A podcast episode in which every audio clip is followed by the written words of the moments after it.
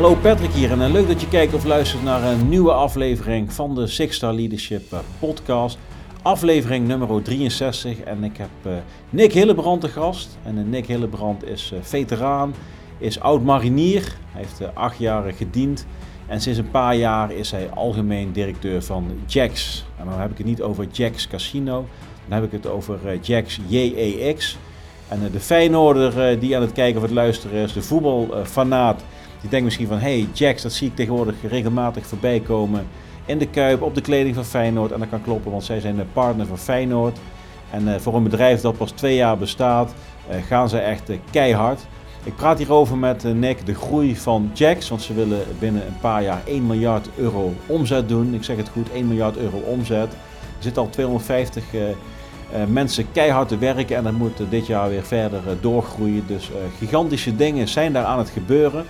En ik eh, praat daarover met, eh, met Nick, hoe hij dat managt, hoe hij die overstap heeft gemaakt van marinier eh, naar het leiding geven eigenlijk aan zo'n gigantisch project. Hoe hij naar de wereld kijkt, wat andere ambities zijn.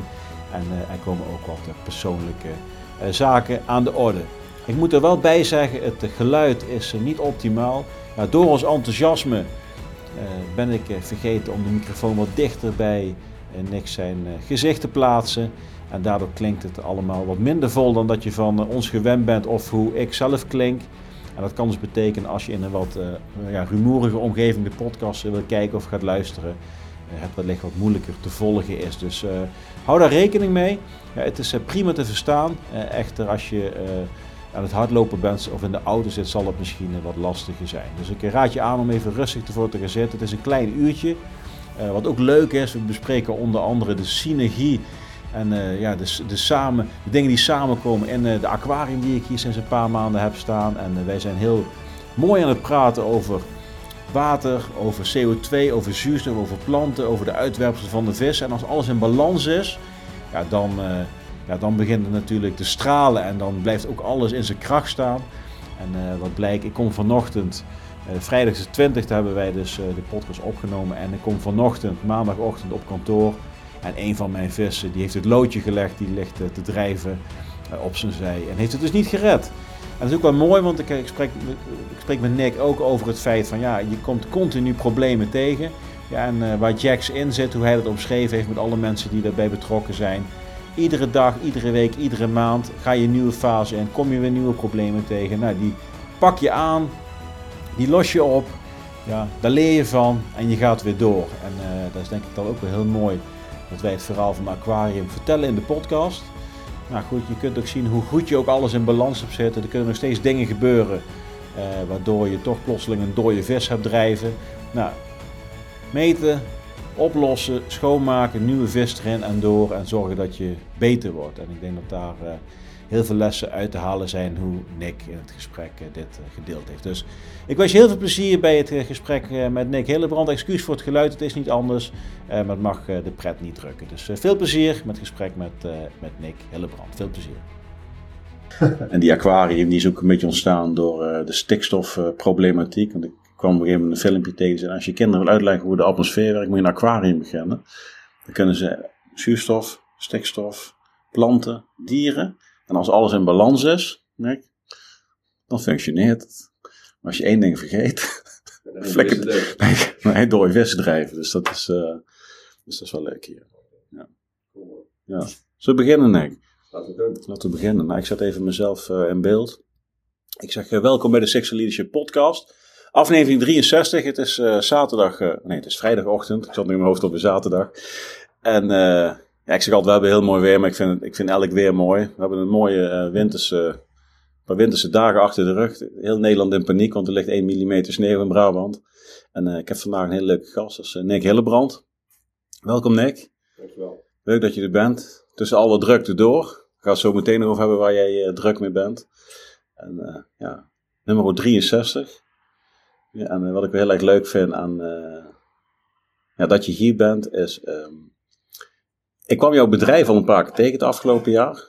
Ja, Jax, zeg het zo goed? Jax, ja. En uh, ik wist nog niet dat daar mensen zaten met een achtergrond bij Defensie.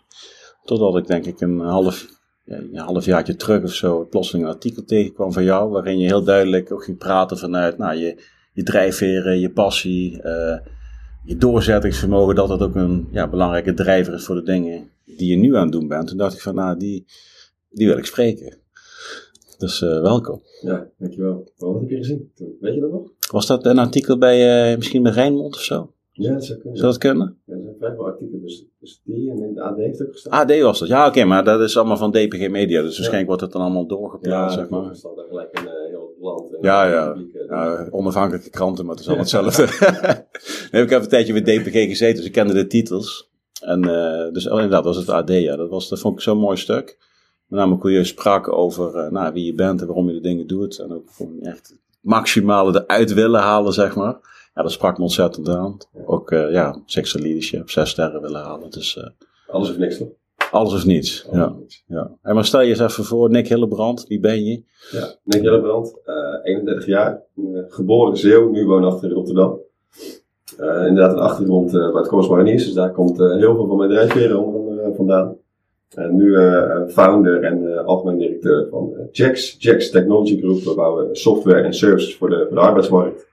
Met de, de niche, de uitzendmarkt en flexibele arbeidsmarkt. Doen we vrij snel, doen we nu twee jaar. Zijn we met een mannetje van 230. Dus doen we, doen we ook. 230 man al? Ja. ja. En hoe lang, uh, hoe lang besta je nu dan? Ja, nu 25 maanden. 25 maanden, ja. ja. Hoe, uh, hoe voelt dat zo'n groei?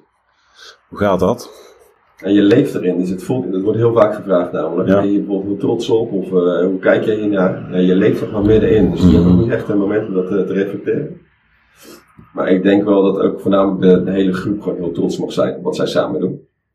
Want, uh, voorheen was het alleen ik die dat stuurde met een paar man. Mm. Nu zit er een, een achtkoppig leiderschapsteam met, ja, met daaronder dus 222 mensen op dit moment. Ja. Het eind van het jaar waarschijnlijk nog vier, tussen in totaal 400 zijn. Dus de mensen doen het nu grotendeels zonder mij. Dat is wel echt heel mooi te zien. Mm-hmm. En wat, wat, is jouw rol dan in deze? Want je, even, even terug, je, je hebt een achtergrond als marinier. Ja. Uh, welke periode heb jij gediend? Uh, 2010 tot 2018. 2010, acht jaar dus, oké. Okay. Ja. En ben je nog op missies geweest? Ja, Afghanistan. Afghanistan geweest, ja. oké. Okay. En, en als je dan kijkt naar die, die periode, die overgang vanuit Defensie naar, uh, naar het idee. Ja. Je hebt eerst nog, denk ik, uh, wat andere werkervaringen opgedaan. Ja, heel kort maar hoor. Ja. Um, er waren een paar vrienden van mij die een uitzendorganisatie wilden opstarten. Mm. Die zaten zelf in een uitzendbranche, dus die werkten daarin. Uh, die hadden alleen niemand met uh, enigszins kennis van financiën. Dat had ik wel. Dat heb ik zelf ontwikkeld toen ik bij de mariniers zat. Ik heb gewoon veel gevoel voor cijfers, het helpt mij daarin. Mm. Wat was je functie bij, bij de mariniers? Gewoon eerste klas. Oké, ja. ja. Bewust altijd zo gebleven. Ja. Ik wilde gewoon lekker boots on the ground. Uh, ja, oké, okay, maar had je een bepaalde, was je ergens speciaal goed in? Nee, nee. Dat je zegt van ik was goed met getallen, dus ik was ik, nee. dit, dit. Nee. nee. Overal goed. ja, nee, alles ging er over de wind, dat was makkelijk. Ja, ja. Nee, ik heb wel een hoop specialisaties mogen doen. Mm -hmm. Echt wel een hoop. Ook een aantal leuke die, uh, die vrijwel niemand had uh, met Defensie.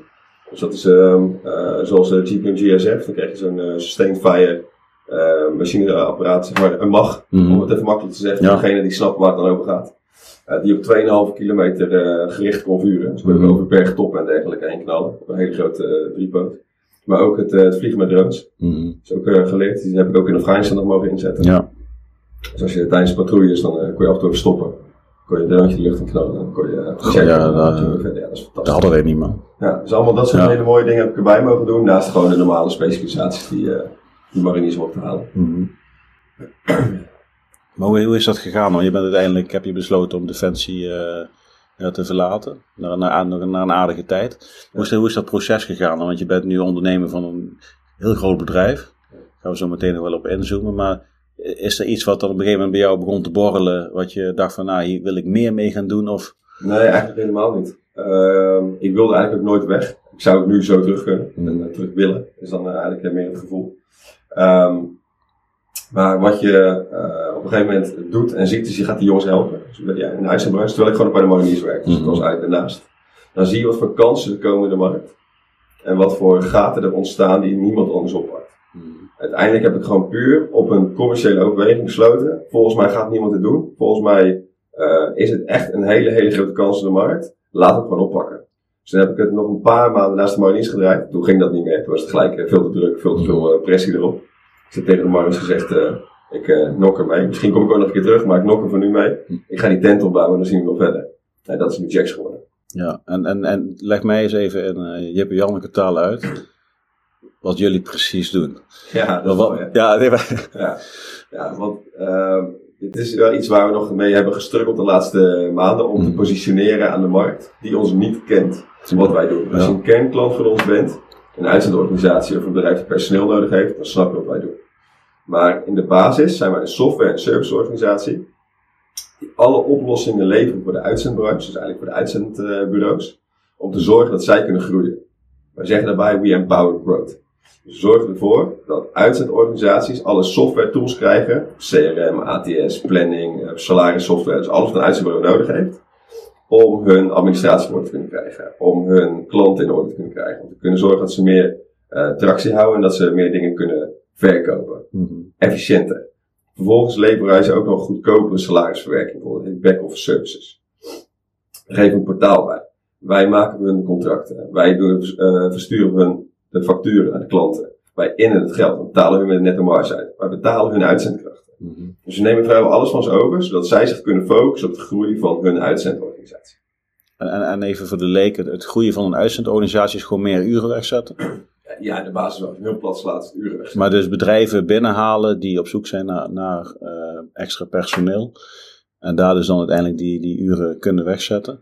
Of hoe zie ik dat? Ja en nee. En hier is dus de complexiteit in. Het ene wat stuk wat ik net vertel is alleen maar de ene kant van de medaille. Dus we helpen een uitzendbureau om beter te groeien. Aan de andere kant van de medaille hebben we dus bedrijven staan op zoek naar personeel. Wij brengen ze samen. Wij zijn zelf geen uitzendorganisatie bijvoorbeeld. Wij uh, uh, zijn zelf niet actief bezig met het matchen. Dat doen we wel in de systematieken. Dat mm-hmm. doen we wel op algoritmes en met ondersteuning en services. Maar de bedrijven die personeel inhuren, huren die in bij ons, bij uitzendbureaus. Ja. Dus je kan het vergelijken, je doet overal altijd met bol.com. Als jij iets koopt op bol, koop je niet bij bol, maar bij een leverancier. Ja, de bol, bol plaza, zeg maar, is dat, ja. Ja, dus het enige wat bol doet, is alle data in de markt bij elkaar brengen. Jou het allergrootste aanbod geven in de long tail approach. En dan zorgen dat jij daar de beste deal kan krijgen. Ja. Dat doen wij dus. dus bedrijven komen bij ons met een behoefte voor personeel. En die werken bij ons niet samen met een lokaal uitzendbureau alleen maar, met al het aanbod uit de markt. We brengen gewoon al die datasystemen bij elkaar. Maar hebben jullie dan ook een, een zoekmachine waar, waar zeg maar vraag en aanbod uh, kan, kan, kan searchen? Uh, nog niet. Dat doen we in artificial intelligence. Dat is mhm. een, een fase uh, hierna. Wat we nu basis zeggen is van oké, okay, jij komt hier met je aanvraag. Die aanvraag gaat openbaar naar of alleen jouw uh, preferred suppliers, jouw voorkeursleveranciers. Mm. Of naar heel de markt die zijn gewoon meer aanbod nodig. Ja. Dan werk je samen met honderden uitzendbureaus tegelijkertijd. Die centraal kunnen aanbieden. Zij zien jouw vraag. Zij bieden daar vanuit hun database de mensen op aan die in het systeem staan. In de volgende fase zullen wij uh, met harde data het systeem laten, uh, suggesties laten geven tegen de uitzendbureaus. Deze komt nu open. Oftewel, zorg dat je deze en deze, deze persoon aan gaat melden. Want die functie komt vrij. Die, die uh, persoon valt vrij. De andere kant op weten we ook van bedrijven uit hun data. Jij hebt in die periode een piekmoment. Je hebt in die periode een dalmoment. Zorg dat je vacatures van open gaat zetten voor die periode. Want anders weet je te laat met je invulling. Want de hele branche waar jij in zit, heeft datzelfde piekmoment. Ja. Dus wij kunnen op basis van data, kunnen we heel veel adviezen geven. Kunnen we links en rechts zorgen dat mensen bij elkaar komen. En dit ontwikkelen we vervolgens door uh, naar AI, dus naar artificial intelligence, met gewoon smart matching. Mm Dan gaat het systeem het allemaal zelf doen. Ja. Dan hoeven ze alleen maar akkoord, akkoord, akkoord, akkoord te drukken. Ja, vet.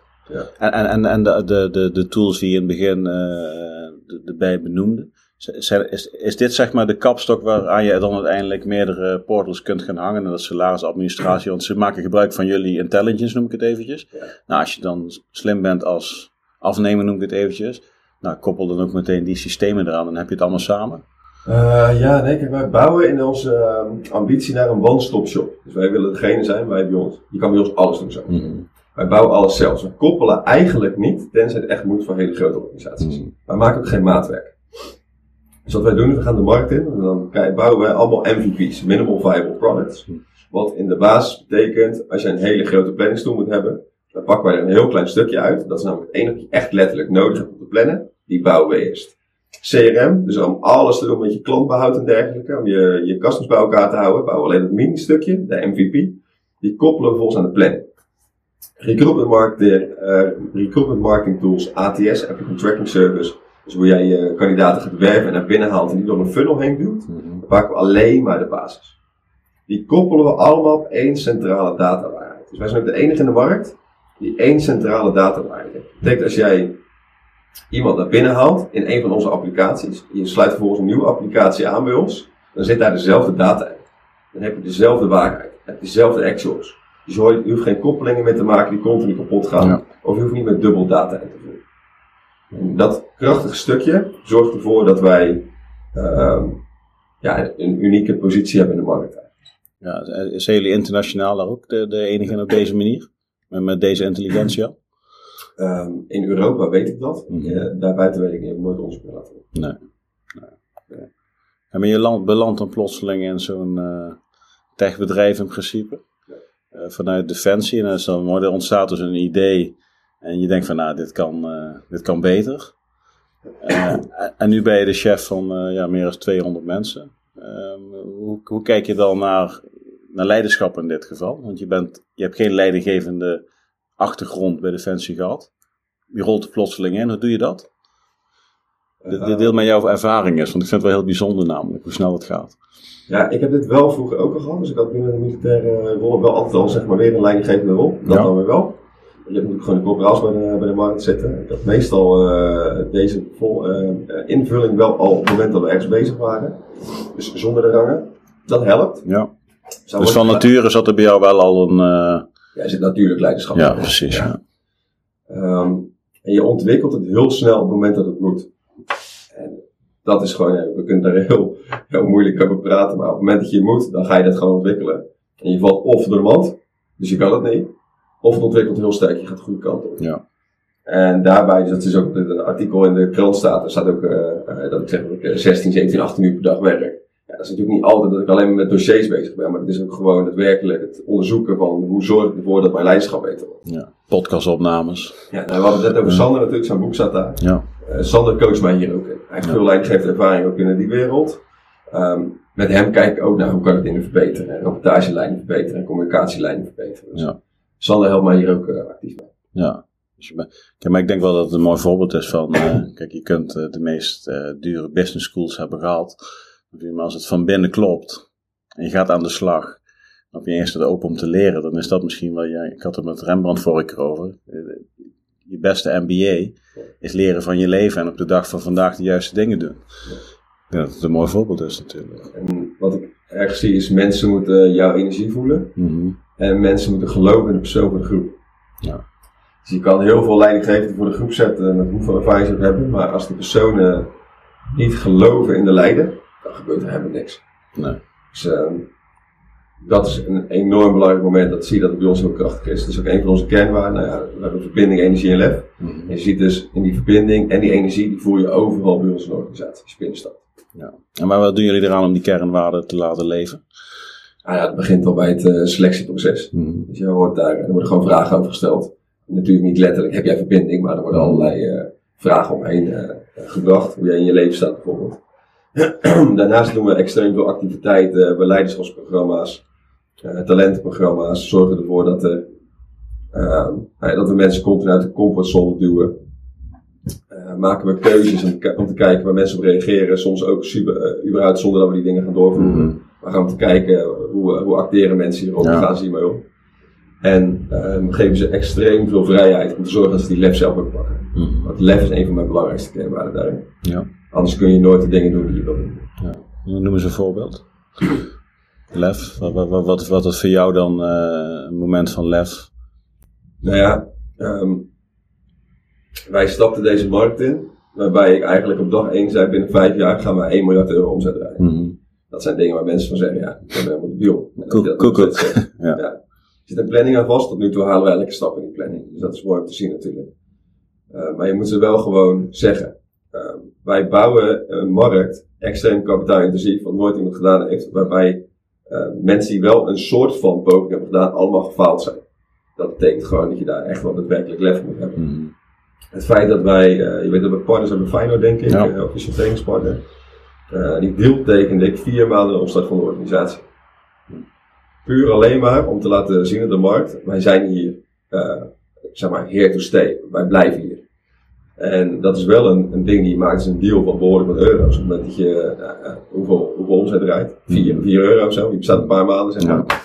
Ja. Um, dat je dan zo'n extreem grote deal maakt om maar zulke stappen te kunnen zetten. En ik denk dat het allemaal kleine voorbeelden zijn van lef, maar je ziet het terug in alles wat wij doen. Ja, en dat past ook bij Feyenoord dan? Uh, misschien niet per se die kernwaarden. Ja, maar die Rotterdamse lef. Uh... Ja. Ja. Kijk, zij proberen wel echt te groeien met die organisatie, proberen te vernieuwen. Mm. Dat zie je heel erg terugkomen met wat met ons. Wij waren de allereerste trainingspartner in, überhaupt in Nederland. Mm. Bij een club, want geen enkele club had dit. En ze lieten een extreem jonge club instappen, waarbij zij ook schade kunnen berokkenen natuurlijk. Ja. Moment dat wij drie maanden later fiets zouden zijn, dan zouden hun ook echt wel pijn hebben gedaan. Mm. We staan op elk shirt, elke trui, trui elke tas. We staan overal op. Ja. Dus je kan niet overal eventjes een naampje vanaf gaan trekken Ja. natuurlijk. Dus dat getuigt daar wel van, maar eh, zij willen gewoon vernieuwen. Dat we een goede poging gedaan hebben. Ja, mooi. En, en, en, en Lef, zie dat? Ik, ik heb eh, een van mijn, mijn kernwaarden is vertrouwen in jezelf en in de ander. Ook in, ook in die volgorde, zeg maar. Lef is dan ook een gigantisch vertrouwen in jezelf. Ja. Dat je weet van, nou, wij gaan, Ja. wij gaan het kuntje flikken met elkaar. Ja. En ook met de mensen die uiteindelijk naar je toe trekt. Vertrouwen in de ander. Ja. Hoe is dat gegaan in het begin? Want ik kan me voorstellen dat je als, eh, ja, als het begin... in het begin- Je bent, je bent in je eentje als eerste begonnen? Ja. En, en uiteindelijk komen er Er meer... zijn wel wat mensen om me heen natuurlijk, maar Ja. degene die die tent moest bouwen. Ja. Ja, oké. Dus jij, jij wist van dit gaat hem gewoon worden, punt. En we gaan gewoon los. Nou, dan, dan trek je in het begin de juiste mensen naar je toe, want dan, dat is heel intiem. Langzaamaan ga je de mensen, denk ik, steeds minder leren kennen. Maar wil je ze wel zo goed mogelijk blijven kennen, eh, denk ik, op dit moment. Ja. Eh, dat gaat steeds verder af van jouw identiteit. Of je nou wil of niet. Ja. Hoe, hoe voelt dat? Ehm, nou, dat voelt voor nu nog oké, omdat het dus zo snel gaat en ehm, ik heel actief door die organisatie heen beweeg. Dat mensen nog steeds wel voelen waar wij persoonlijk voor staan. Zeg maar als organisatie totaal en ik als persoon. Ehm, ik denk dat heel veel mensen dat goed kunnen aarden en de mensen die dat niet goed kunnen aarden, die zijn ook vrij snel weer weg. Dat- Dan werkt dat gewoon niet. Nee. Overigens, overigens hebben we een heel laag verloop, dus bijna iedereen wil blijven zitten. Omdat mensen in het selectieproces al te horen krijgen hoe het hier gaat. Maar we hebben ook wel, we hebben ook bijvoorbeeld sollicitanten gehad die hoorden dat we die verhuizing gingen doen. Die belden gewoon af van, nou, oké, ik vind dat dit wel heel erg hard gaat allemaal. Dit is maar een beetje te spannend, dat ga ik niet doen. Nee, dan passen ze niet. Dan pas je dus niet bij ons. Nee, nee, nee, is wat nee, we iedere dag doen. Ja, ja. Je hebt best wel kans dat die ene poldermove, zeg maar, slechts de inleiding is voor de volgende die de volgende dag gaat komen. Dus als je dat spannend vindt, dan hoor je het niet. Ehm, maar nee, ik denk dat, het, eh, dat ik tot nu toe vrij goed mee om kan gaan. Hoe we dat in de toekomst gaan zien, eh, ligt aan de ontwikkeling van de groep. En wie dat doet. We hebben een HR-directeur specifiek alleen maar op dit onderwerp zitten. Dat, dat is bo- borgen van cultuur Ja, parallel met de groei die je doormaakt. ja dus borg van cultuur en dus de groei. Eh, niet alleen van het bedrijf, maar ook van de mens. Dus Mhm. hij begeleidt onder andere leiderschap, hij begeleidt onder andere talentontwikkeling. Ja. Hij zorgt ervoor dat die cultuur ook gehandhaafd wordt, dat al die selectienormen altijd aan die kernwaarden voldoen. die kernwaarden worden continu gechallenged in de organisatie. Zorgt ervoor dat de MTO-cijfers, dus de tevredenheidsonderzoeken, eh, getoetst worden. En dat die gedeeld wordt in de organisatie. Mhm. Dat we alle feedback die eruit komt, weer delen met de organisa- hele organisatie. Laten zien, jongens, hier zitten de goede punten, hier zitten de pijnpunten. Hoe gaan we dit oplossen?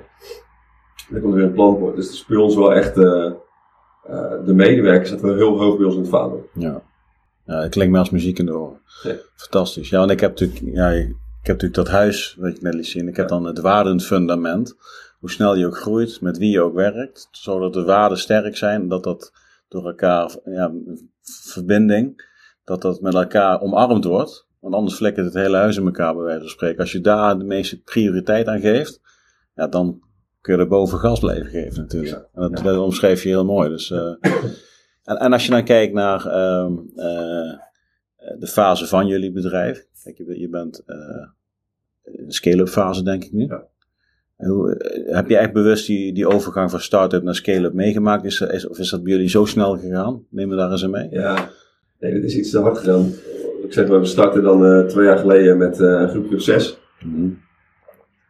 Ehm, in mei verhuisde naar een nieuwe plan met een, een man of 35. Een jaar gingen we uit met een man of 95 en met 230, een Mhm. jaar later. Je gaat er zo hard door al die fases heen, dat je... Het is eigenlijk wel mooi, hè? als je kijkt naar de theoretische boeken en, dergelijke over fases van bedrijven, dan moet je hem eens in de zoveel jaar moet je hem krijgen. Ik krijg die gewoon, zeg, iedere twee maanden krijg je hem Mhm. opnieuw. En het probleem die je normaal bedrijf in een jaar heeft, hebben wij in een maand. Dus heb ik geen tijd om erover na te denken, je moet ze gewoon oplossen.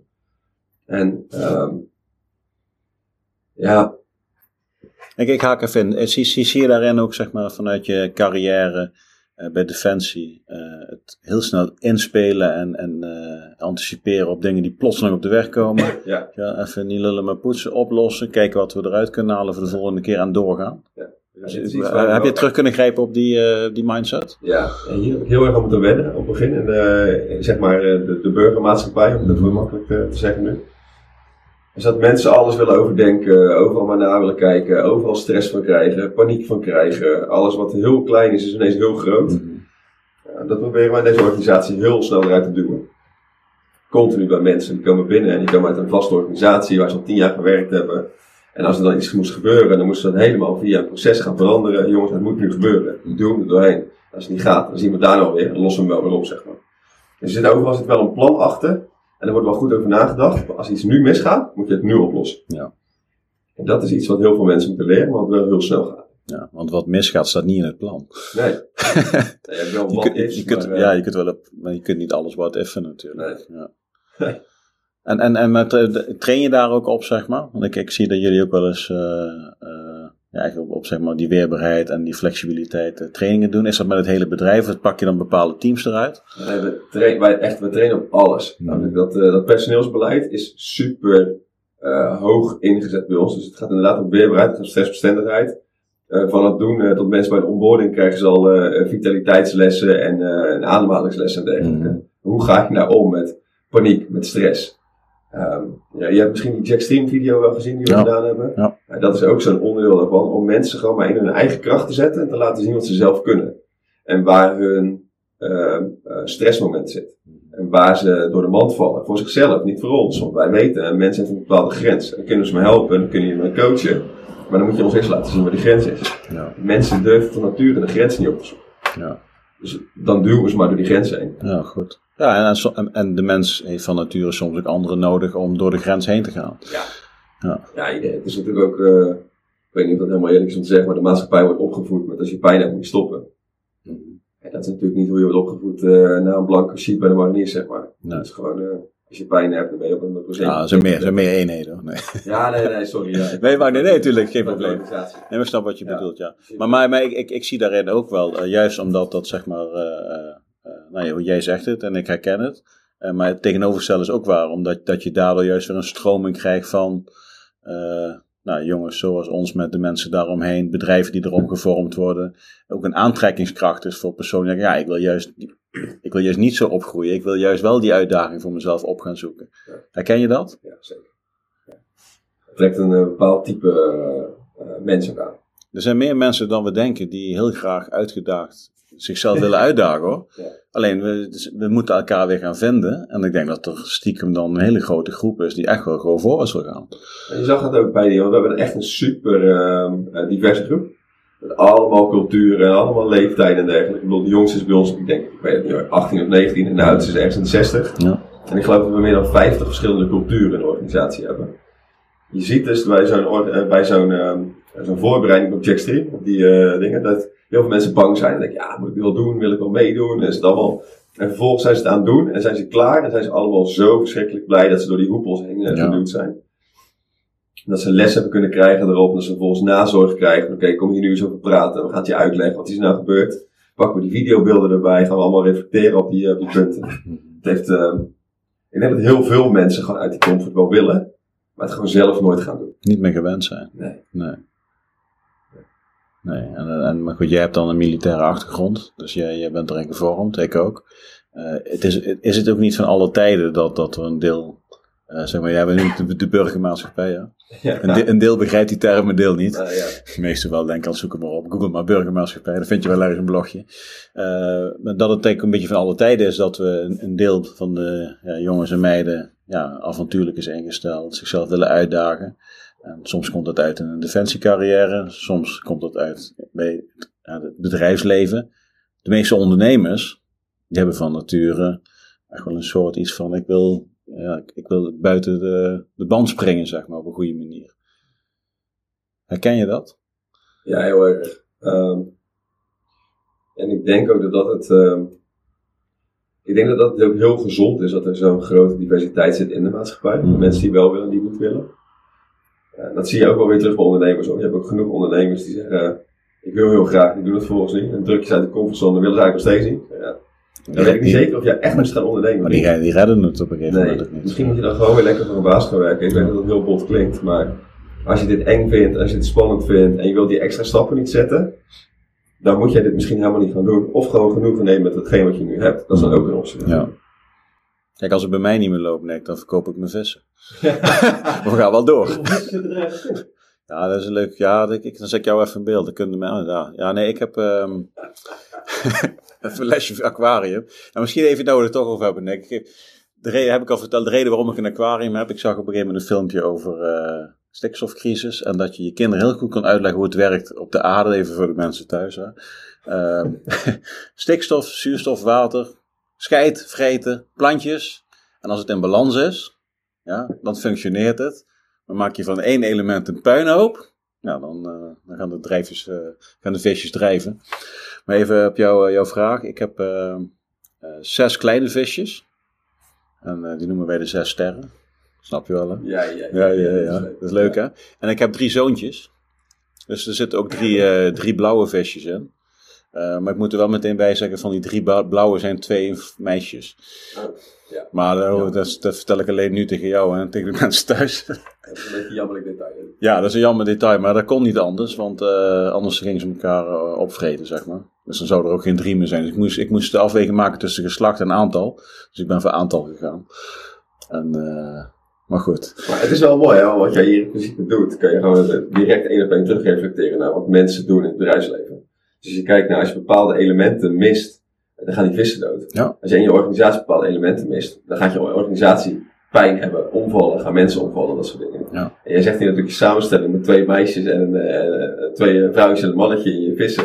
Op het moment dat jij verkeerde diversiteit in je organisatie plaatst, ja. valt de organisatie ook op. Ja, dus, dus de, sa de samenstelling van een, uh, van een team, uh, en uh, de rollen, uh, dus dat ben ik zo, dat, dat, doen jullie ook denk ik. Wat, wat is jouw rol?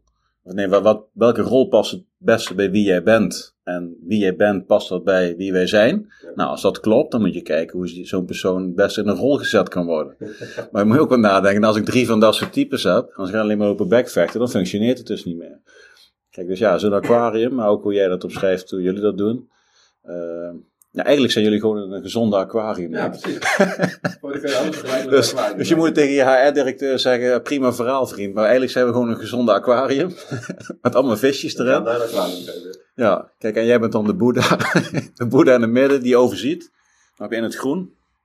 En... Uh, Nee, maar ik denk dat wel. Kijk, mij e- even terug natuurlijk, alle gekken in een stokje. Terwijl ik denk dat we er hele mooie dingen uit kunnen halen wat we nu aan het bespreken zijn. Uh, kijk, ondernemen is inderdaad ook van ja, als het dan een stapje terug is. Uh, maar ik wil uiteindelijk doorgaan omdat ik geloof en vertrouwen heb om het doel te halen. Ja, dan moet je soms afscheid nemen van dingen. Om uiteindelijk bij het ding te komen wat je graag wil. Daarom zeg ik voor de gekkigheid, ik verkoop dan gewoon mijn vissen. Ja, die zijn toch zeker 81 euro waard met z'n negenen. En dan, uh, dan, dan kunnen we weer een dag vooruit en dan ga ik in die dag het verschil weer maken, weet je wel? In plaats van denken van, nou, ik ben wel gehecht aan mijn visjes, weet je wel. Nou, dan stop ik wel. Dan ga ik wel weer iets anders doen. Kijk, ja, en ik denk dat dat inderdaad de, de gehardheid is op een positieve manier. En als je lief kunt zijn voor jezelf en hard voor de zaak, met D en een T allebei eigenlijk denk ik wel, ja, dan, dan, stap je denk ik altijd de juiste kant uit. Dus, uh, hebben jullie dieren op het werk? Nee. Nee? Planten? Heel veel planten. Ik heb ook een planten. ik heb ook een verhaal over. Nee, nee ik heb er geen verhaal over. nee, we hebben heel, we hebben heel veel planten, maar geen, uh, geen dieren. Nee, geen Als dieren. Als iemand die zijn hond meeneemt, dat heeft geen oppassing of zo. Dat, uh, maar de rest, Nee, en, en, noem eens iets wat, wat, wat typisch mariniers is, wat, wat bij jullie erin gekropen is op de zaak. Oeh, dat is wel een moeilijke vraag. Ik denk namelijk dat het best wel veel is. Mm -hmm. Want je ziet dat. Ehm, ja, mijn natuurlijke way is toch gewoon de way die bij de mariniers deels vandaan komt. En die sluit er dan toch wel stiekem in, zeg maar, in zo'n organisatie. Ondanks dat je dat misschien niet eens actief bedoelt. Um, maar waar ik zelf heel veel op probeer te sturen, en dat gaat niet altijd goed, kan ik je vertellen, is dat mensen uh, kort en bondig moeten communiceren. Mm. Niet al die ellenlange verhalen die helemaal niks toevoegen. Geef me gewoon alleen maar het probleem en de context. En dan kunnen we zeg maar daarna met de mensen die dat moeten oplossen naar kijken. Ik hoef niet twee uur lang een verhaal te horen. Geef me gewoon het probleem, dan los ik ja. wel op. Zeg maar. Niet uitweiden. Ja. En dat is natuurlijk iets wat echt, echt terugkomt van, uh, vanuit de militaire organisaties. Als jij ergens in een, in een huiselijk gebied loopt, of waar dan ook, en je hebt een paar radio's op je rug, dan wil je niet dat mensen een heel boek aan het vertellen zijn. Vertel me gewoon het scenario, dan weten wat er speelt. En voor de rest, hou op zeg maar, met informatie over die radio inzenden. Dat vervuilt ons. Ja. maar, geef, maar geef je dan, uh, uh, ja, ik, ik, begrijp dat. maar ik kan me voorstellen als mensen dan uh, bij jullie komen en zeggen, oh, dat is wel, wel heel kort af hier. is, is dat ook onder, het zal, het zal wel een beetje sociaal gaan, natuurlijk. Niet meer zoals met de radio, denk ik. het zal niet meer codetaal gaan. Maar, maar um, um, wordt er dan ook bijvoorbeeld uitgelegd van, goh, weet je wel, uh, wij, wij proberen uh, ja, zo kort mogelijk te zijn in onze berichten. Dus mail alleen datgene wat relevant is. Haal emotie eruit. Als je, niet zo direct, we doen dat meer in de algemene omgang. Dus op het moment dat je zeg maar, mensen in een, in een meeting zegt, oké, okay, um, leuk, je hebt nu 16 minuten verdeeld hebt. Vat het nu even samen in één zin. Ja. Zetten we even hier op bord. Oké, okay, dit was hem, bedankt. Dan is de meeting klaar. Zeg maar, op die manier kan je soms gewoon heel even plat slaan. En dan klinkt dat heel bot, maar dan denken mensen, oh ja, dit had misschien inderdaad anders gekund. In plaats van een hele verhaal. Ja. Af en toe zit je bij meetings, zit je om 25 minuten luisteren. Jongens, wat is nu de context? Want ik kan hier helemaal niks mee. Ja. Dan laat je dat heel even gaan om vervolgens dus feedback te kunnen geven. Maar ik heb dit zelfs een paar keer geprobeerd met wargames te spelen op papier. Mm -hmm. Gewoon op een groot bord. Gewoon een scenario uittypen. Een of andere dorp tussen een vallei met uh, ja. uh, vuurlinies en dat er iemand uh, weggehaald moest worden. Ergens. Rood land en blauw land. Ja. ja. Maar gewoon om te laten zien, zeg maar, van als jij dit nu doet en je gaat op deze manier communiceren, wat gebeurt er dan? Hm. En dan zien mensen zelf in, oké, okay, dat gaat inderdaad helemaal total chaos. Ja, precies, dat gebeurt hier dus ook. Op het moment dat je niet gewoon normaal de boodschap gaat overbrengen. Ja. En dan doorgaat. Dus dat, uh, maar dat gaat steeds beter. Ja, en, en, en, en gaat dat naarmate de organisatie groeit? Want jij, jij, op een gegeven moment laat je natuurlijk een aantal lagen los. Heb je denk ik gewoon je, je, je managers, je leiders om je heen, die weer hun teams aansturen. Uh, hoe gaat dat? Want dan, dat betekent dat je uiteindelijk een stukje uh, los gaat laten. Dus Ja. dat, dat is al gebeurd, denk ik. ja, hoe gaat dat? Want jij, jij lijkt me iemand die ontzettend betrokken is en ontzettend uh, overal mee wil doen. Klopt Ja. dat? Of? Ja en nee. Ja. Zit, zit namelijk in de kern ja, maar doe ik het nee. Eh, behalve bepaalde onderdelen wat dan heel specifiek dat belang, op dat moment belangrijk is voor de organisatie. ik bemoei me nu bijvoorbeeld heel erg tegen marketing aan op dit moment. En tegen één specifiek proces van sales. De rest niet. De rest van de organisatie, ik heb geen idee wat ze aan het doen zijn. Bij wijze van, hè, dan. Want ik hoor natuurlijk alle rapportages en dergelijke wel. Ja. Ik zie precies wat er speelt en de KPI's en de metrics en de cijfers en actuals. Dus ik weet dat er speelt, maar ik zit daar niet tussen. Wat wij hebben, de hele organisatie, is een rapportagelijn van maximaal zes. Dat betekent iedereen onder zich maximaal zes mensen heeft die aan zichzelf die aan hem, rapp- hem of haar rapporteren.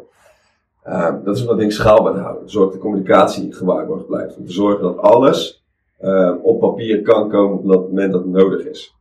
Uh, op het moment dat een team te groot wordt voor een rapportagelijn, dus het kan niet, een sales team het zijn bij ons ook gewoon 35 mensen, Mhm. dan zijn we weer gesplitst in eenheden met bepaalde doelgroepen. Maar er zijn er altijd maar maximaal 16 aan één iemand rapporteren naar boven.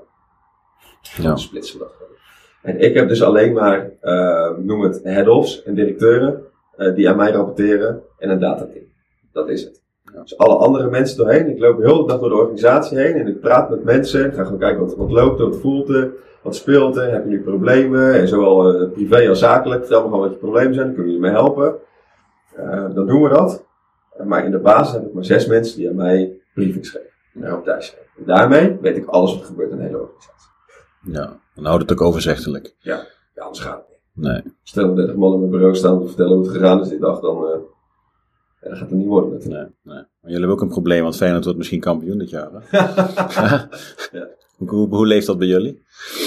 Ja, nee, niet echt zo hoor. Nee. Nee. In dat opzicht is uh, Feyenoord voor ons ook een zakelijke deal. Mm. Er zitten gewoon uh, KPI's aan te hangen, zeg maar. Feyenoord moet bij ons dingen opleveren. Wij moeten hier dingen mee bereiken. Het moest het, merk valideren, maar dan heel veel rondom branding. Ja. Uh, Maar goed, als ze bovenaan staan, helpt wel mee, toch? ja, nee, vorig jaar stond ik in Tirana in de finale. Dat dacht Eh, ik, ja. Van de Conference League. Dat natuurlijk fantastisch. Ja. Heeft, dus we zijn echt op het juiste mo- moment ingestapt.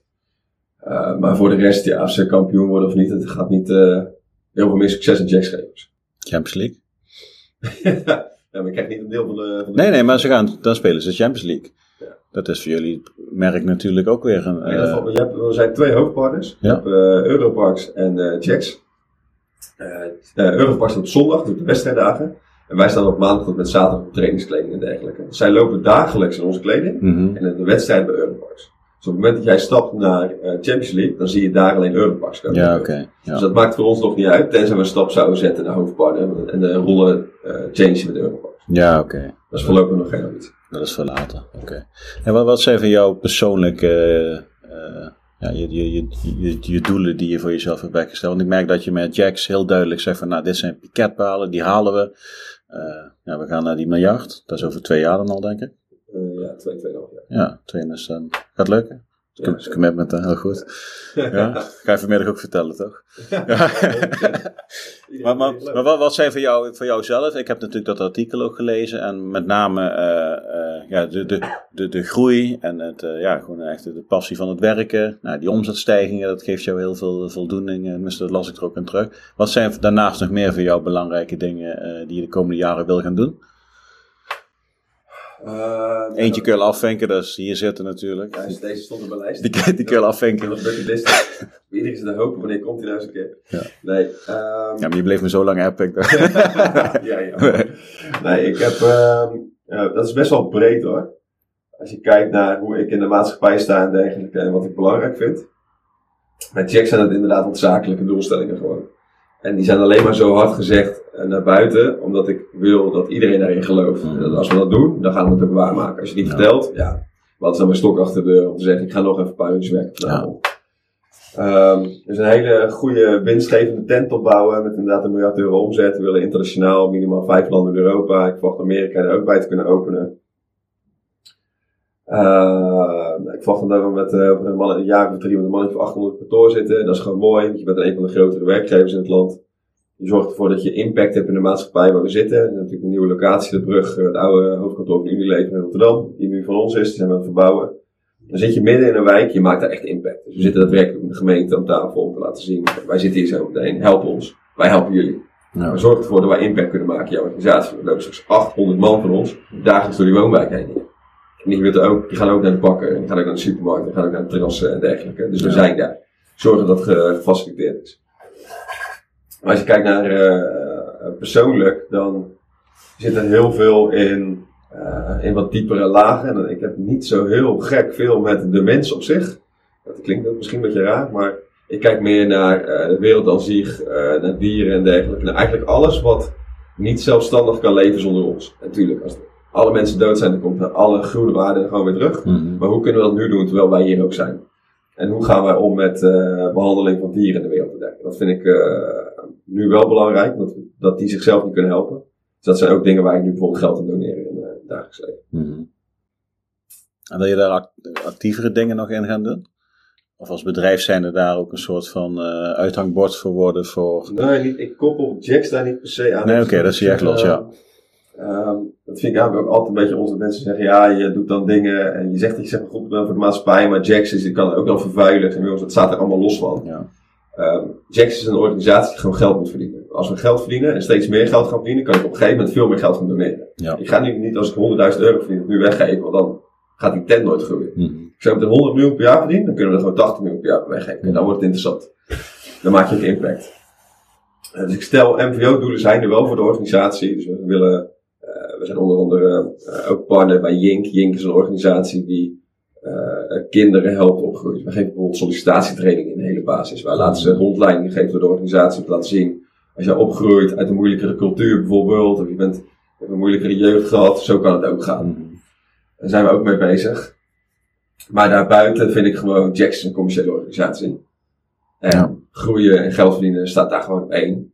En daarna pas komen MPO. Ja, oké, je, hebt, je hebt groei nodig om uiteindelijk de mooie dingen te doen. Ja. Om het terug te geven, zeg maar.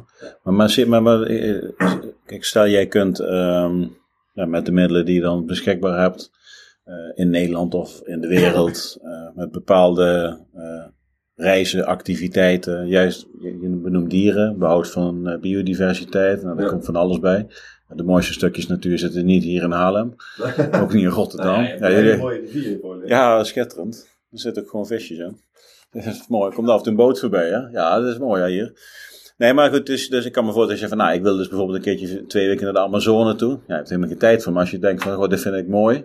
dan ga ik dat een keertje doen. Dan ga ik daar aandacht vragen voor. En dan ga ik daar ook een soort van actieve rol in nemen om dat onder de aandacht te brengen. Zie je dat voor jezelf? Uh... dat nog niet zozeer, denk ik. Ehm, ja, ik weet gewoon dat ik goed ben in organisaties bouwen die geld opleveren. Mm Um, dus als ik dat doe en ik kan vervolgens dat geld geven aan mensen die veel beter zijn in organisaties bouwen die goed zijn voor de wereld, ja. dan kunnen zij dat doen waar zij goed in zijn en ik waar ik goed in ben. Um, het is, ik ben bezig met uh, Just Dig It. Die, uh, oh, met die bomen, dat bomenproject. Ja, die doen Regreening ja. Earth. Dus die zorgen ervoor dat ze overal, tenminste voornamelijk in, in Afrika, dat ze een soort van halve maanden graven, waar dan in een soort, soort woestijnlandschap, waar alles nog droog is, als het dan een keer regent en blijft het water staan, dan zie je dat werkelijk goed resultaat dat komt.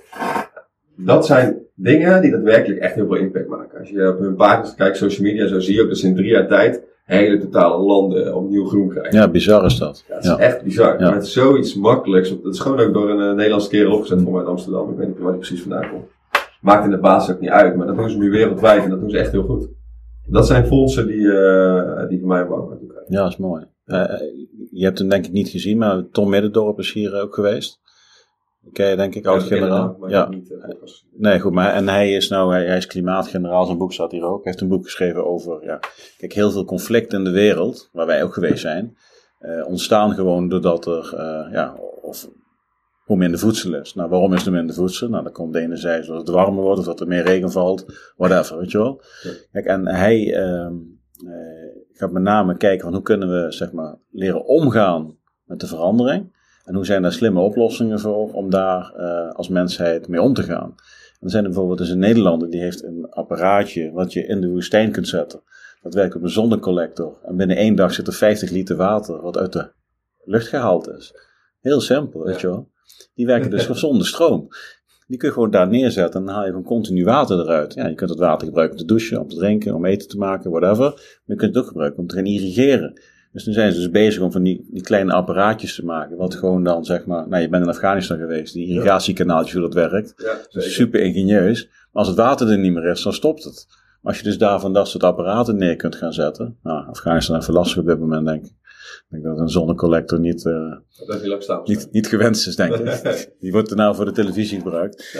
maar, maar er zitten natuurlijk hele grote plekken op de aarde waar dat fantastisch zou kunnen werken. Kijk, en dat is natuurlijk mooi. Kijk, als je dat als, als aanjager met een groot bedrijf daarin uh, een verschil kunt maken. Dat, dat is, denk ik, uh, ik denk dat echt grote organisaties voornamelijk impact maken door gewoon te doen waar ze goed in zijn. Ja. En niet te gaan verzuipen in hun MVO-taken. Dat is niet hun taak. Zijn ze niet voor opgericht, daar zijn ze niet voor ingericht, er zijn niet de mensen voor aangenomen. Nee. Je bent gewoon een organisatie die goed is en waar die goed in is. Ja, en laat anderen maar doen waar zij goed in zijn. Ja, en, en als ik naar jou, naar jou persoonlijk kijk en, en uh, kijk, je bent natuurlijk gewoon Nick die marinier was en dan vijf jaar later is Nick uh, uh, algemeen directeur van een bedrijf wat richting een miljard euro gaat. Ja. hoe reageert jouw omgeving daarop? ja, dat is ook wel heel enthousiast. -hmm. Ja, ook mensen die zeg maar een paar jaar niet hebben gezien, die dan in één keer dat artikel zien, onder andere in het AD. Dat ze denken, hey, wat de fuck zie je? Wist, wisten ze dat je daarmee bezig was, iedereen? Dan denken ze, hè, wat is dit? Nee, dat is Nick! Ja, ja. Nee, niet iedereen. Er zijn natuurlijk wel wat mensen, uh, maar ook niet iedereen uh, wordt continu geüpdate of snapt wat er nou eigenlijk echt speelt. En hoeveel impact wij nu eigenlijk kan maken op zo'n maatschappij als in Rotterdam en dergelijke. En ook hoeveel levens wij nu al impact hebben. Ik bedoel, er zitten 230 mensen bij ons, ja. die allemaal een gezin hebben die allemaal, uh, tussen, waar wel mensen kinderen hebben en die naar school gaan en dergelijke. Je hebt gewoon een hoop uh, verantwoordelijkheid in de basis daarvoor. Daar voel ik ook totaal geen druk van. Maar ik bedoel, dat is wel goed om te laten zien hoeveel impact je al hebt op zo'n maatschappij. En zo'n Mensen vinden het echt heel mooi. Ja. En, en, en, en, en jouw close family? Uh, dan moet ik eigenlijk voornamelijk uh, naar mijn broer kijken. Die vindt ja. het ook heel mooi. Want mijn ouders, uh, mijn moeder is de hele tijd overleden, mijn vader is ernstig ziek. Mm -hmm. Dus die volgt het ook allemaal niet echt meer. Die kan ik niet allemaal meer, niet meer bijbenen. Dus, maar die vindt het wel echt wel prachtig om te zien als kleine broertje doet. Mm -hmm. ja. ja. Maar jullie, je, hoeveel, heb je een broer, een broer, heb je? Ja. Met z'n twee, oké. Okay. En hoe, hoe, jong was je, was je toen je moeder is overleden? 15. Was je 15, oké. Okay. Ja. Dat is 16 jaar terug. Ja. Okay. Heeft dat impact gehad toen jij leeg ging? Kijk, mijn moeder is namelijk, ik, ik was zeven toen mijn moeder is overleden, daarom vraag ik even door. Want voor mij heeft het, kijk, ik ben natuurlijk met mijn vader, met mijn broer en mijn zusje. Ik zit met mijn vader was huis en huis bakken, zeg maar. ja, dus we hebben vrij opgegroeid. Uiteindelijk was dat voor mij wel een, motivatie om echt wel mijn eigen pad te gaan zoeken. En dat heeft me ook echt wel gevormd in, uh, in wie ik uiteindelijk ben geworden.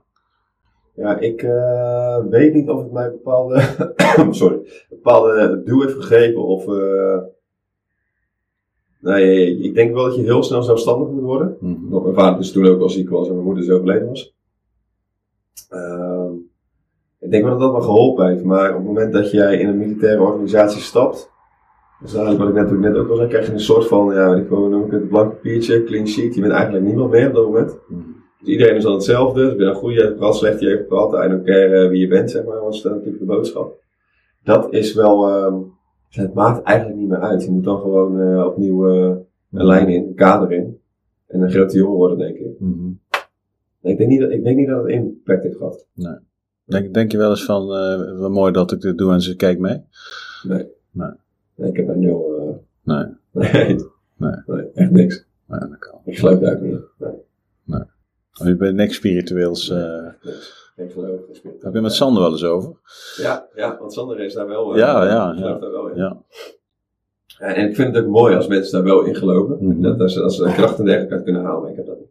Nee, nee. Ik weet nog toen ik de AMO afronde, gewoon de reguliere AMO, hè. dus dat vond, ik heel pittig, want dus je bent precies waar je bent. Toen kwam ik over de lijn en toen dacht ik dus aan mijn moeder. Het is toch een of andere manier... Uh... Dat heb ik niet. Nee, nee, nee. Als, ja, misschien komt het nog. Hè. Ja, ja, ik ben nog, ik ben nog jong. Hè. Ja, jong, hè. Toen ik 31 was, was ik ook advertenties aan het verkopen. Hè. Dus dat, uh, dat, dat zei Ja, kijk, het zijn natuurlijk wel dingen. Uh, uh, kijk, ik heb nu nog, ik heb geen kinderen, ik heb nog geen kinderwens. Mhm. Maar mocht je kinderen krijgen, is het natuurlijk wel jammer. Die hebben geen oma bijvoorbeeld. Ja. Dat zijn wel dingen, dat is jammer. Maar dat zijn niet dingen waar ik per se bij stilsta. Of waar gewoon ik zeg, dat is, uh, dit heeft impact op mij. Nee. Maar dat is wel jammer voor die, die kids onder andere.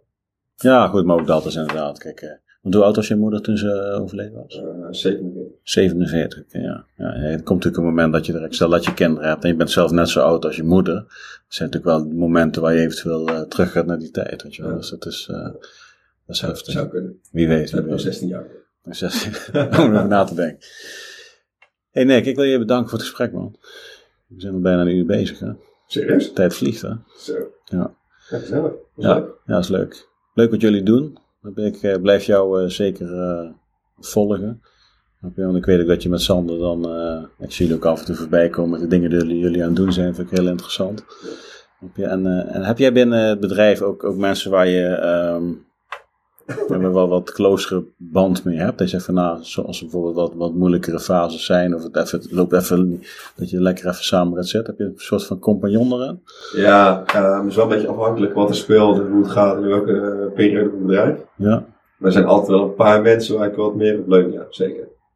Zijn het mensen van het eerste uur of zijn het mensen die je er later bij hebt betrokken?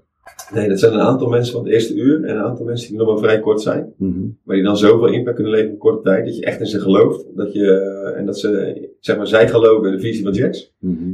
En wij geloven in elkaar als persoon. En dat geeft heel veel kracht gelijk om samen te zeggen, oké, okay, fuck, we hebben een probleem. Hoe lossen we dit op? Dan zet je twee of drie mensen bij elkaar en dan kun je daar echt, zeg maar, gewoon hele avonden zo over zitten. Ook, ja, met mijn uh, CFO bijvoorbeeld, die is, drie, uh, die is 33. We hebben op eerste en tweede kerst overdag gewoon op kantoor gezeten. Mhm. Om dossiers af te sluiten. Dus s'avonds zijn we dan wel gewoon uh, met de, de, families en dergelijke. Maar overdag zitten we gewoon daar om dingen te fixen. Ja. En dat is dus omdat je kan bouwen op dit soort mensen. Een gezamenlijke missie hebben, een gezamenlijk doel hebben. En dan kunnen mensen je voor gek verklaren. Maar ja, dit is wel waar, dit soort resultaten boeken. Ja, en, en dan omschrijf je eigenlijk in één minuut uh, misschien wel het DNA van Jax. Ja, ja, wat heel veel mensen doen. Als je kijkt uh, hoe vaak bij ons s'avonds het licht aanstaat. Het wordt door niemand opgelegd. Dit zijn keuzes die mensen zelf maken. En als zij zien, ik heb dat uh, anderhalf week geleden was dat denk ik. Dat een, uh, een paar mensen op de andere locatie, we hebben twee locaties nu uh, uit ons pand gehuurd. dat mensen gewoon tot één uur s'nachts op kantoor hebben gezeten om de dingen te fixen voor de volgende dag. Want anders niet klaar staat. En dat zijn dingen, dat is gewoon helemaal eigen eigenaarschap, eigen inzicht, eigen gevoel, eigen um, feeling met de organisatie. Er is niemand die zegt dat dit moet. Nee. Dat zie je heel veel bij ons. Nee, mooi. Mooi gedaan. Dankjewel. Ja, jij Nou, we sluiten de uitzending af. Ik wil uh, ja, Nick bedanken voor jouw komst naar, uh, naar Haarlem. Uh, ja, het is indrukwekkend, denk ik, wat er allemaal gedaan wordt daar in Rotterdam. En de plannen die liggen er om eigenlijk nog een keer, keer vier te gaan, als ik even snel berekend heb met het aantal mensen en de omzet die zal er achteraan volgen. Ik wil jou bedanken voor het kijken, voor het luisteren. ben je nog niet geabonneerd? doe dat dan eventjes, druk even op die subscribe button op YouTube, like de video. En ben je toevallig werknemer van Jax of vind je het een mooi bedrijf? Nou, druk dan ook even op de like button en subscribe op het kanaal. Er komen vaak mooie mensen voorbij. Ja, en Nick is er één van. En uh, blijft door. En dan komt het gesprek met uh, Nick alweer uh, ten einde. We hebben een uur gesproken over groei van Jacks, persoonlijk leiderschap, hoe je als marinier bepaalde dingen meeneemt in de aansturing van een groot bedrijf. Nick zijn achtergrond en ook wat persoonlijke dingen hebben we mogen horen van Nick. Dus Nick, super bedankt. Hartstikke leuk dat je zo open bent geweest en hier naar de studio in Haarlem bent gekomen. Ik wil jou bedanken voor het kijken. Ik wil jou bedanken voor het luisteren. Vind je het een leuke podcast en ben je nog niet geabonneerd? Nou, doe dat dan. dan kun je op de subscribe button drukken. Dat kan op eh, alle grote kanalen, uiteraard ook op eh, YouTube. Like de video, deel de video, geef eventueel een reactie. En dan hoop ik jou de volgende keer weer eh, te zien bij een nieuwe aflevering van de Six Star Leadership Podcast. Nou, tot zover bedankt en dan zeg ik altijd Patrick hier, einde bericht.